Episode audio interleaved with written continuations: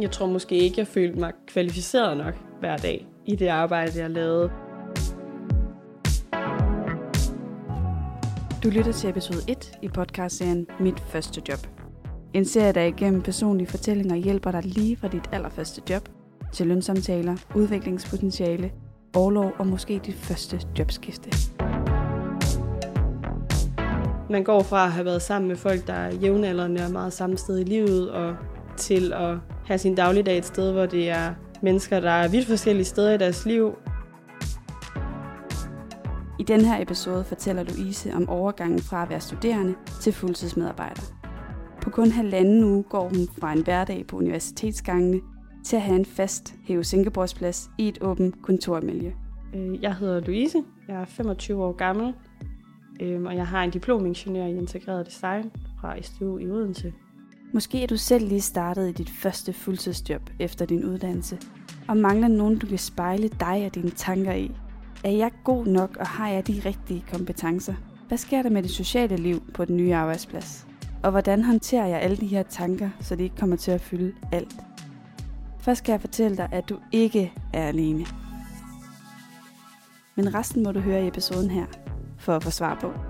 Jeg hedder Sine, og jeg er din vært her på serien, der er skabt i samarbejde med fagforeningen IDA. Dagens episode starter her.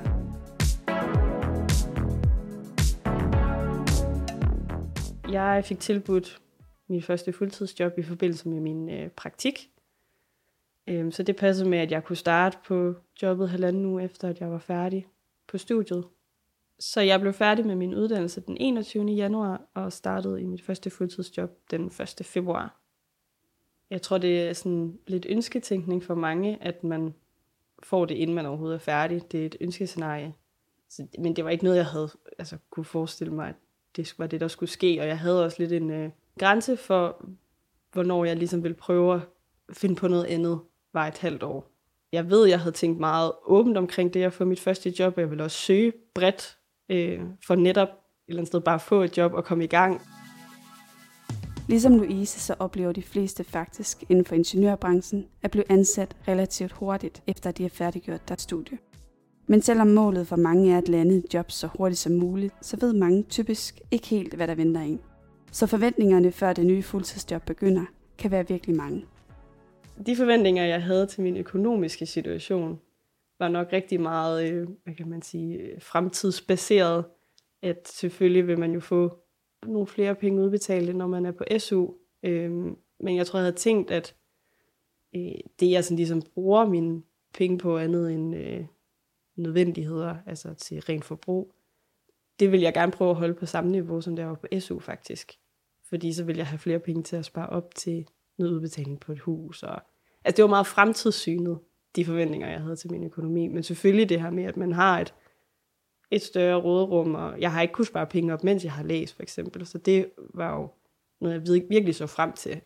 De tanker, jeg havde gjort mig omkring den geografiske placering af mit første fuldtidsjob, var nok, at det skulle være på Fyn, faktisk. Og gerne tæt på Odense, fordi det var jo ligesom det udgangspunkt, jeg havde på det tidspunkt, at jeg boede i Odense og var helt vildt glad for at bo der.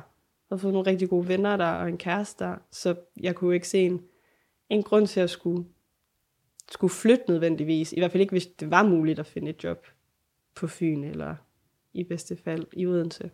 Drømmescenariet var, at man ligesom kunne tage sin cykel, og så var man der i løbet af en halv time, ligesom det var på studiet. Jeg glædede mig faktisk til at komme væk fra studielivet, da det begyndte at lagt mod enden. øhm, for jeg så ret meget frem til det her med, nu havde jeg det jo også lidt som smagsprøver i praktikken, men det her med, at man jamen, møder en klokken 8, har fri klokken 4, og så har du fri. Ens arbejde er koncentreret om de timer, og så har du ikke en aflevering, du skal lave, eller noget gruppearbejde, du lige skal have forberedt. Det kan være alt muligt, der lidt har hængt over hovedet, mens man har studeret. Der har været lidt sådan en, et underliggende stress på en måde. Udover mange positive forventninger til livet som fuldtidsarbejdende, så går mange også ofte med nogle bekymringer – om, hvordan hverdagen forandres. En af de største bekymringer, jeg havde, det var nok mit sociale liv. Øhm, fordi nu har jeg fundet det her arbejde, som ligger i Esbjerg. Jeg flytter til Vejle, hvor jeg ikke kender nogen. og de fleste af mine venner, de bor i Danmarks største byer, Odense, Aarhus, København.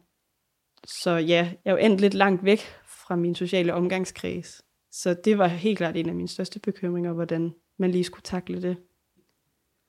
Man går fra at have været sammen med folk, der er jævnaldrende og meget samme sted i livet, og nogen man kunne hænge ud med efter studiet, til at have sin dagligdag et sted, hvor det er mennesker, der er vidt forskellige steder i deres liv, og har vidt forskellige aldre, bor forskellige steder i landet også. Øhm, så der hænger man jo ikke ud på samme måde, når man er færdig med at arbejde. Så det havde jeg i hvert fald gjort mig lidt nogle tanker om, sådan, hvordan ja, ens sociale liv bliver, når, man, når jeg skulle starte på, på arbejde. Også i og med, at jeg jo ligesom flyttet til Vejle, som er en by, jeg ikke kender nogen i. Det gør min kæreste heller ikke. Det er jo meget forskelligt, hvor folk er henne i deres liv. Og det havde jeg også forventninger om, inden jeg startede, at det nok var sådan, det kom til at være. Så social, det sociale liv øh, havde jeg i hvert fald en forestilling om, ikke blev det samme som på studiet. Hvor man jo på studiet, der laver man jo mange sociale ting efter øh, man er færdig med at have undervisning eller lave gruppearbejde, projektarbejde. Nu kendte jeg jo nogle af mine kollegaer i forvejen, og med tid lærer man jo folk endnu bedre at kende, også når man bruger 8 timer sammen hver dag. Så jeg havde jo en forventning om, at ja, vi ville lære hinanden bedre at kende og kunne komme til at snakke mere åbent sammen.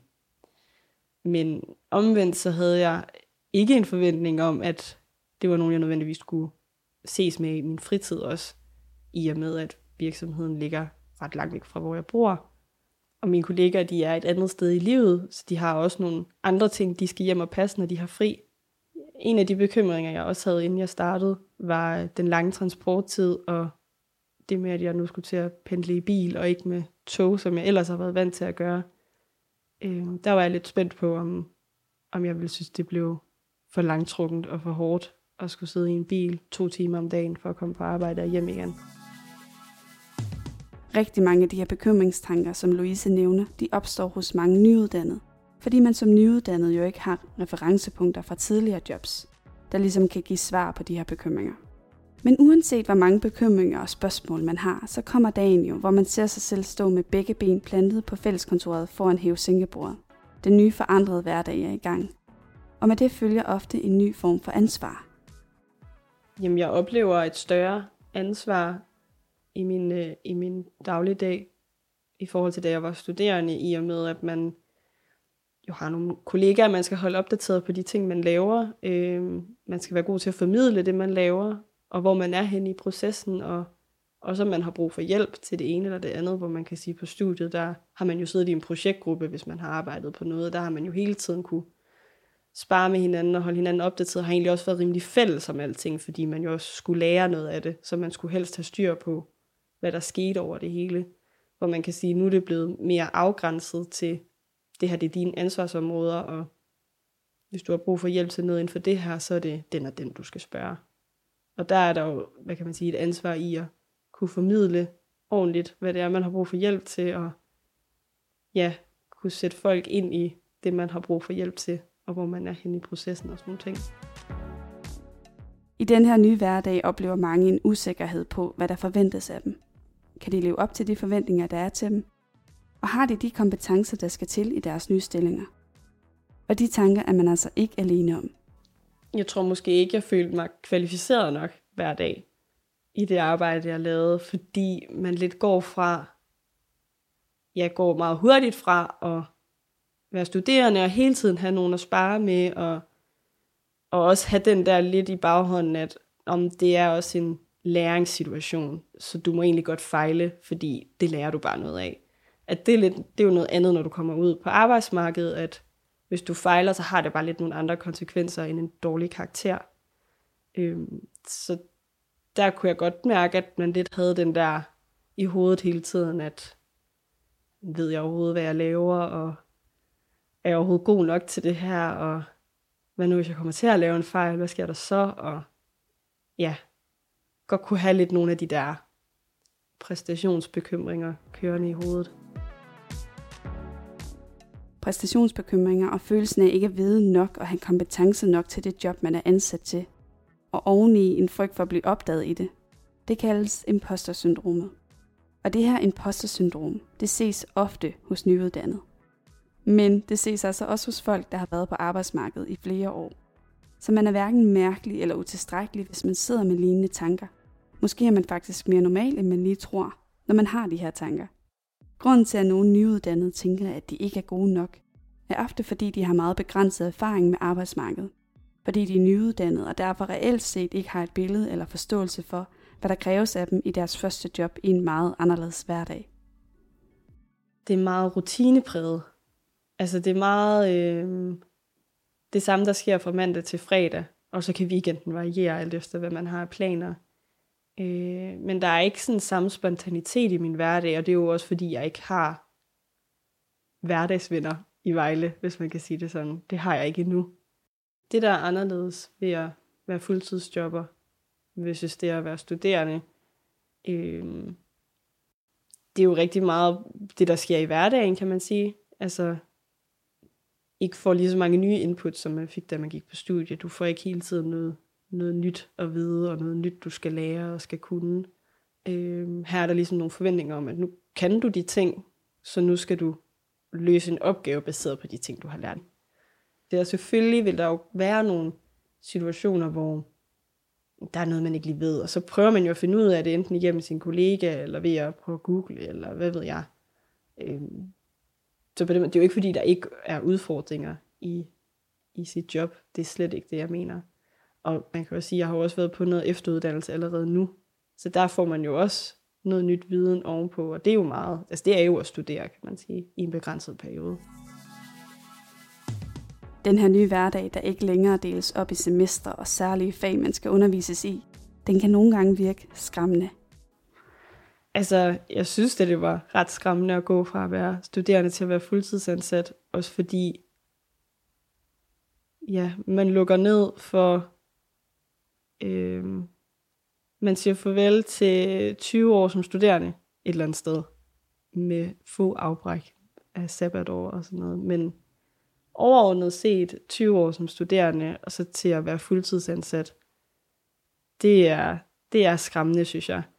Og det er det stadig, fordi at man har været vant til i så mange år at skulle forholde sig til et år ad gangen, eller et semester ad gangen, og så ved man ligesom, hvad der sker efter det, og der er ligesom en plan, man kan følge. Selvfølgelig skal man lige finde ud af, skal det være, hvilken gymnasiel uddannelse skal det være, hvis det er det, man vil, og hvilken videregående uddannelse skal det være, men man ved ligesom, det er det, der skal ske, og man ved, det har en, altså, det er en tidsbegrænset periode, man skal det i, og så sker der noget nyt.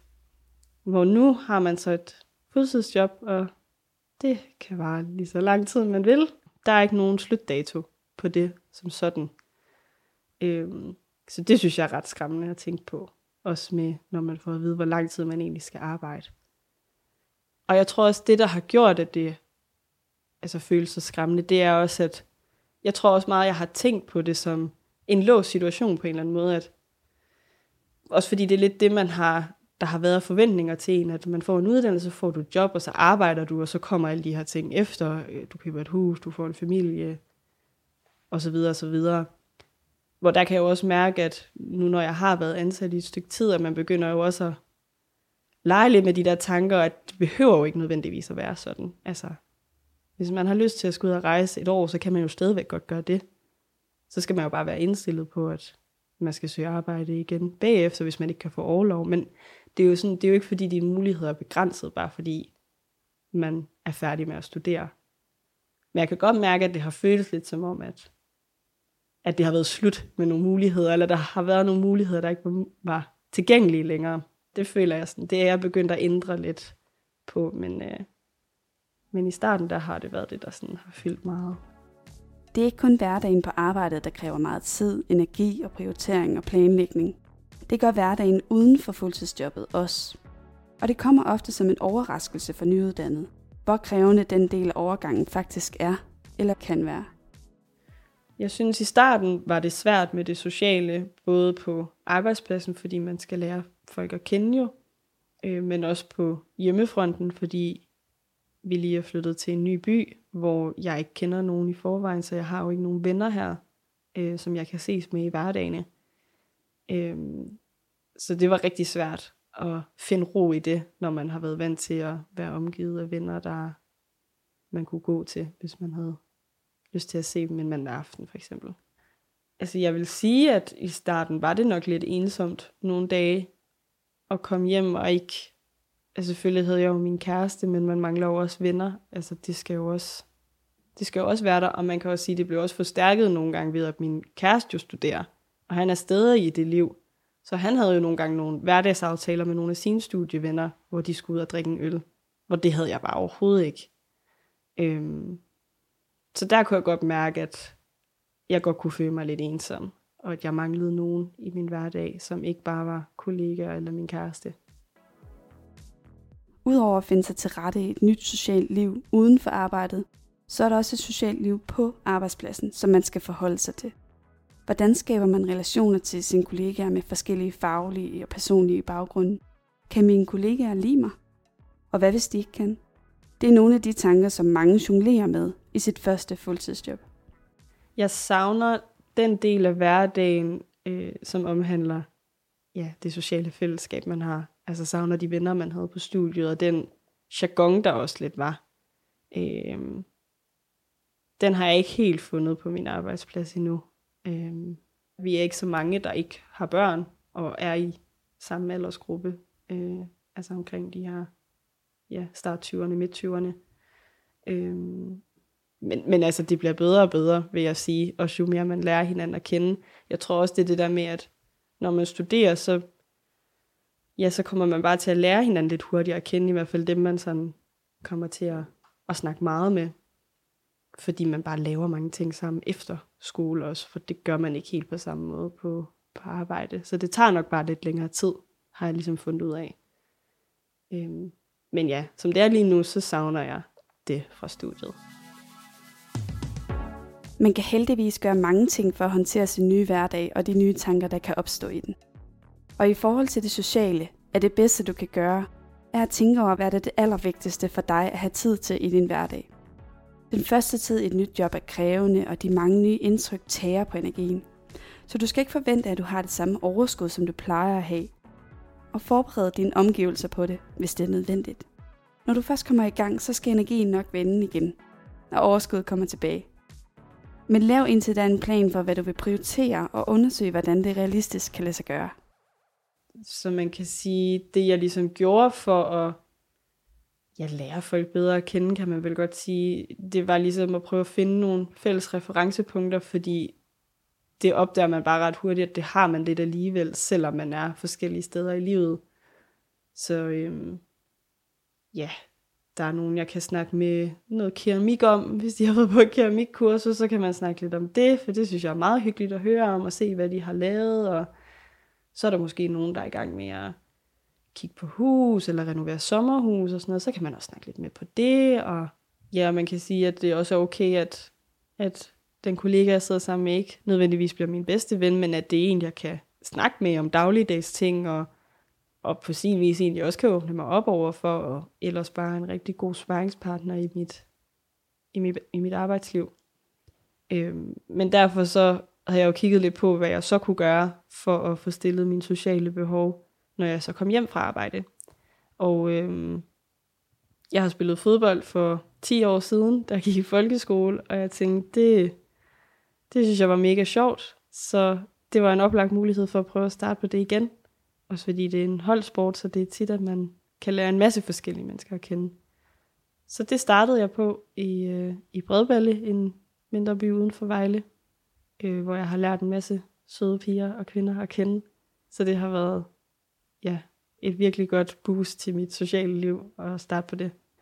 Altså jeg vil sige, at det har hjulpet på min ensomhed, at jeg har startet til fodbold og og også har lært mine kollegaer bedre at kende sådan set. Øhm, men jeg vil, jeg vil stadig sige, at jeg savner mine venner, som bor andre steder i landet. Øhm, og er nok stadig ved at acceptere, at det er nogen, jeg må ses med i weekenden, og ikke kan ses med lige så ofte. Jeg vil sige, at det har gjort, at jeg føler mig mindre ensom i hverdagen, at jeg har startet til fodbold, øh, også fordi der er nogen på holdet, jeg, jeg kan snakke rigtig godt med. Så det gør jo, at man får et socialt, eller man får noget andet socialt input, end sine kollegaer og sin kæreste. Øhm, Så det har hjulpet rigtig meget. Jeg har jo også bare lært at være nysgerrig på folk på en anden måde, end at ja, det nødvendigvis skal handle om det, jeg synes er interessant. Der er også flere gode måder, man kan forsøge at håndtere præstationspres eller imposter-syndromet på. Allerførst er det vigtigt at acceptere, at man som nyuddannet befinder sig i en læringsproces. Så gå ind i det nye job med læringshatten på. Find motivationen til at blive dygtig til dit job på sigt.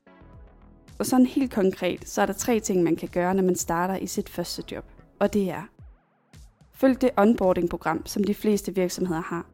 Altså en slags introduktionsplan om, hvad der skal ske i din første arbejdsdag. Og spørg endelig ind til de ting, du ikke forstår i starten. Det er okay, du er helt ny. Det andet er at forventningsafstemme med dine nye ledere.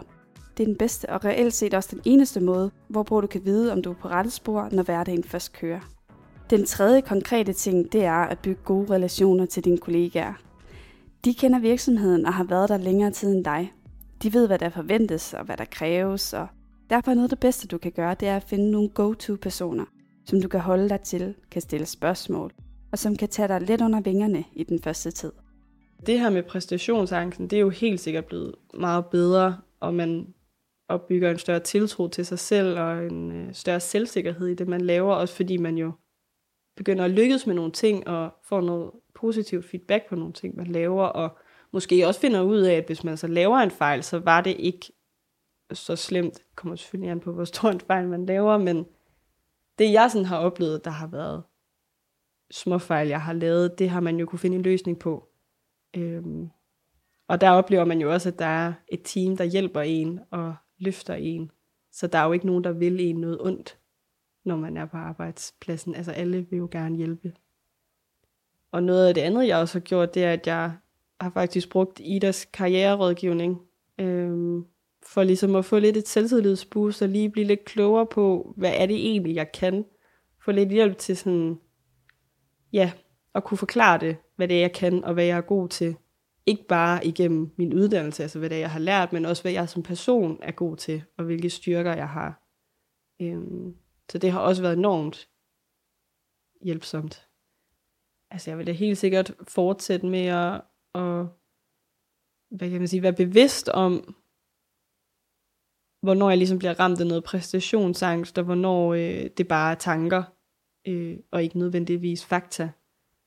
Øhm, sådan det her med at, og ligesom kigge på, jamen, hvad er det egentlig, du har gjort, og hvad er det, du har fået fuldført, og hvordan er det blevet taget imod, og sådan nogle ting, og hvad er det egentlig, du er dygtig til, og det er jo det, man sidder, det er jo det, jeg sidder og laver, så på den måde, øh, ja, tale sig selv op. Ofte finder man ro, svar og løsninger på de bekymringer, man havde i starten, i takt med, at man kommer i gang med jobbet. Man lærer kollegaer, ledere og kultur at kende, og man begynder at forstå, hvordan et arbejde hænger sammen i praksis. Arbejdslivet er anderledes end studielivet.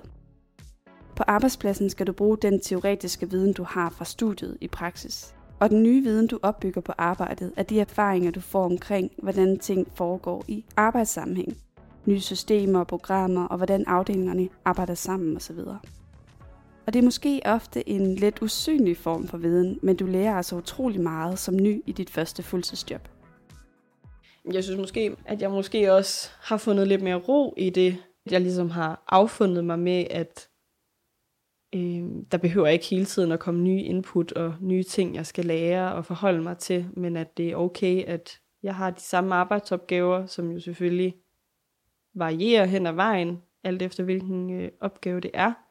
Øhm, men at det er okay, at jeg egentlig bare bliver bedre og bedre til de her arbejdsopgaver, og dygtiggør mig på den måde, og får en masse erfaring. Øhm, og så har jeg også fundet en ro i, at, at mit arbejde er noget, der udvikler mig, selvom jeg ikke øh, får et pensum, øh, som jeg skal lære inden semesteret om. Når du starter dit første fuldtidsjob, så kan det være en rigtig god idé at lave en løbende status med dig selv, hvor du skriver ned, hvad du synes, der går godt, hvad der er svært, hvad der tager og hvad der giver dig energi. På den måde er det langt lettere for dig at finde ud af, hvad der går godt og hvad der kan forbedres.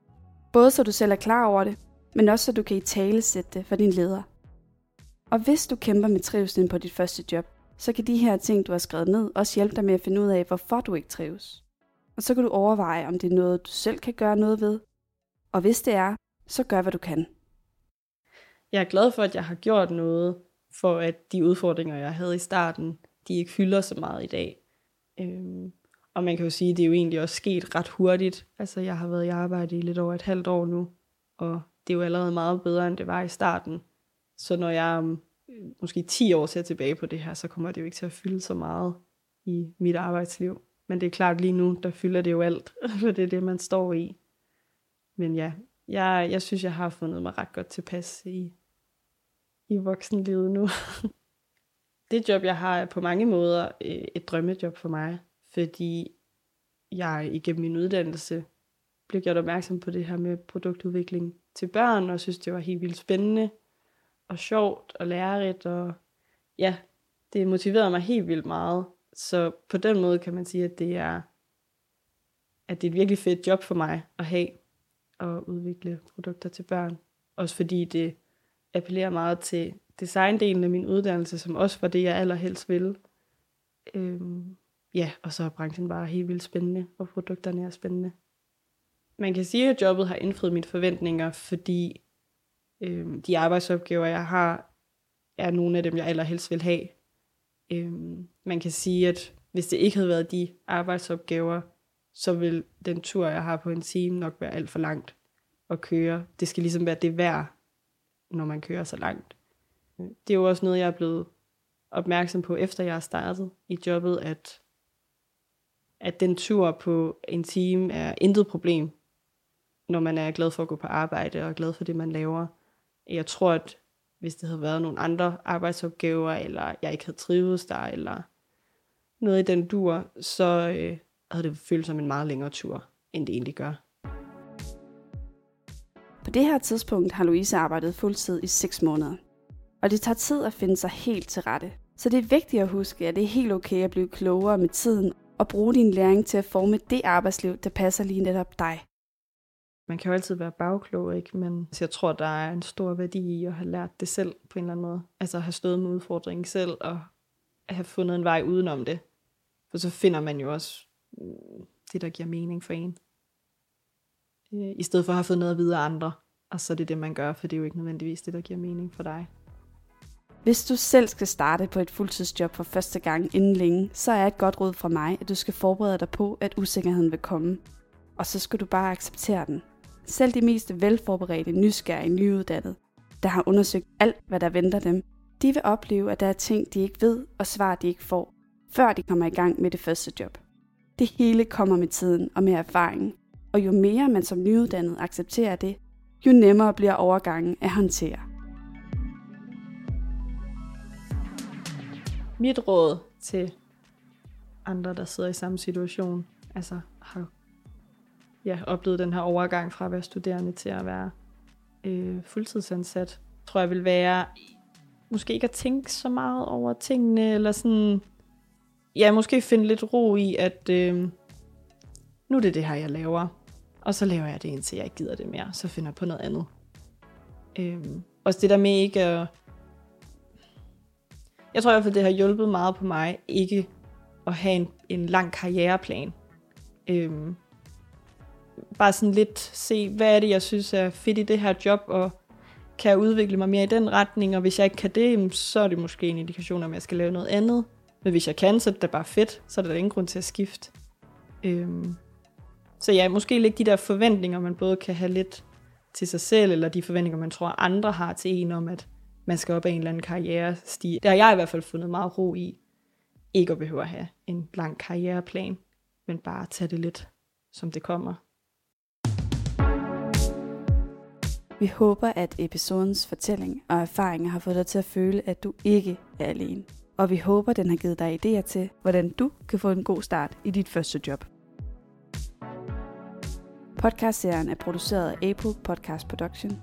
Jeg er din vært, Signe Ladegaard. Tak fordi du lyttede.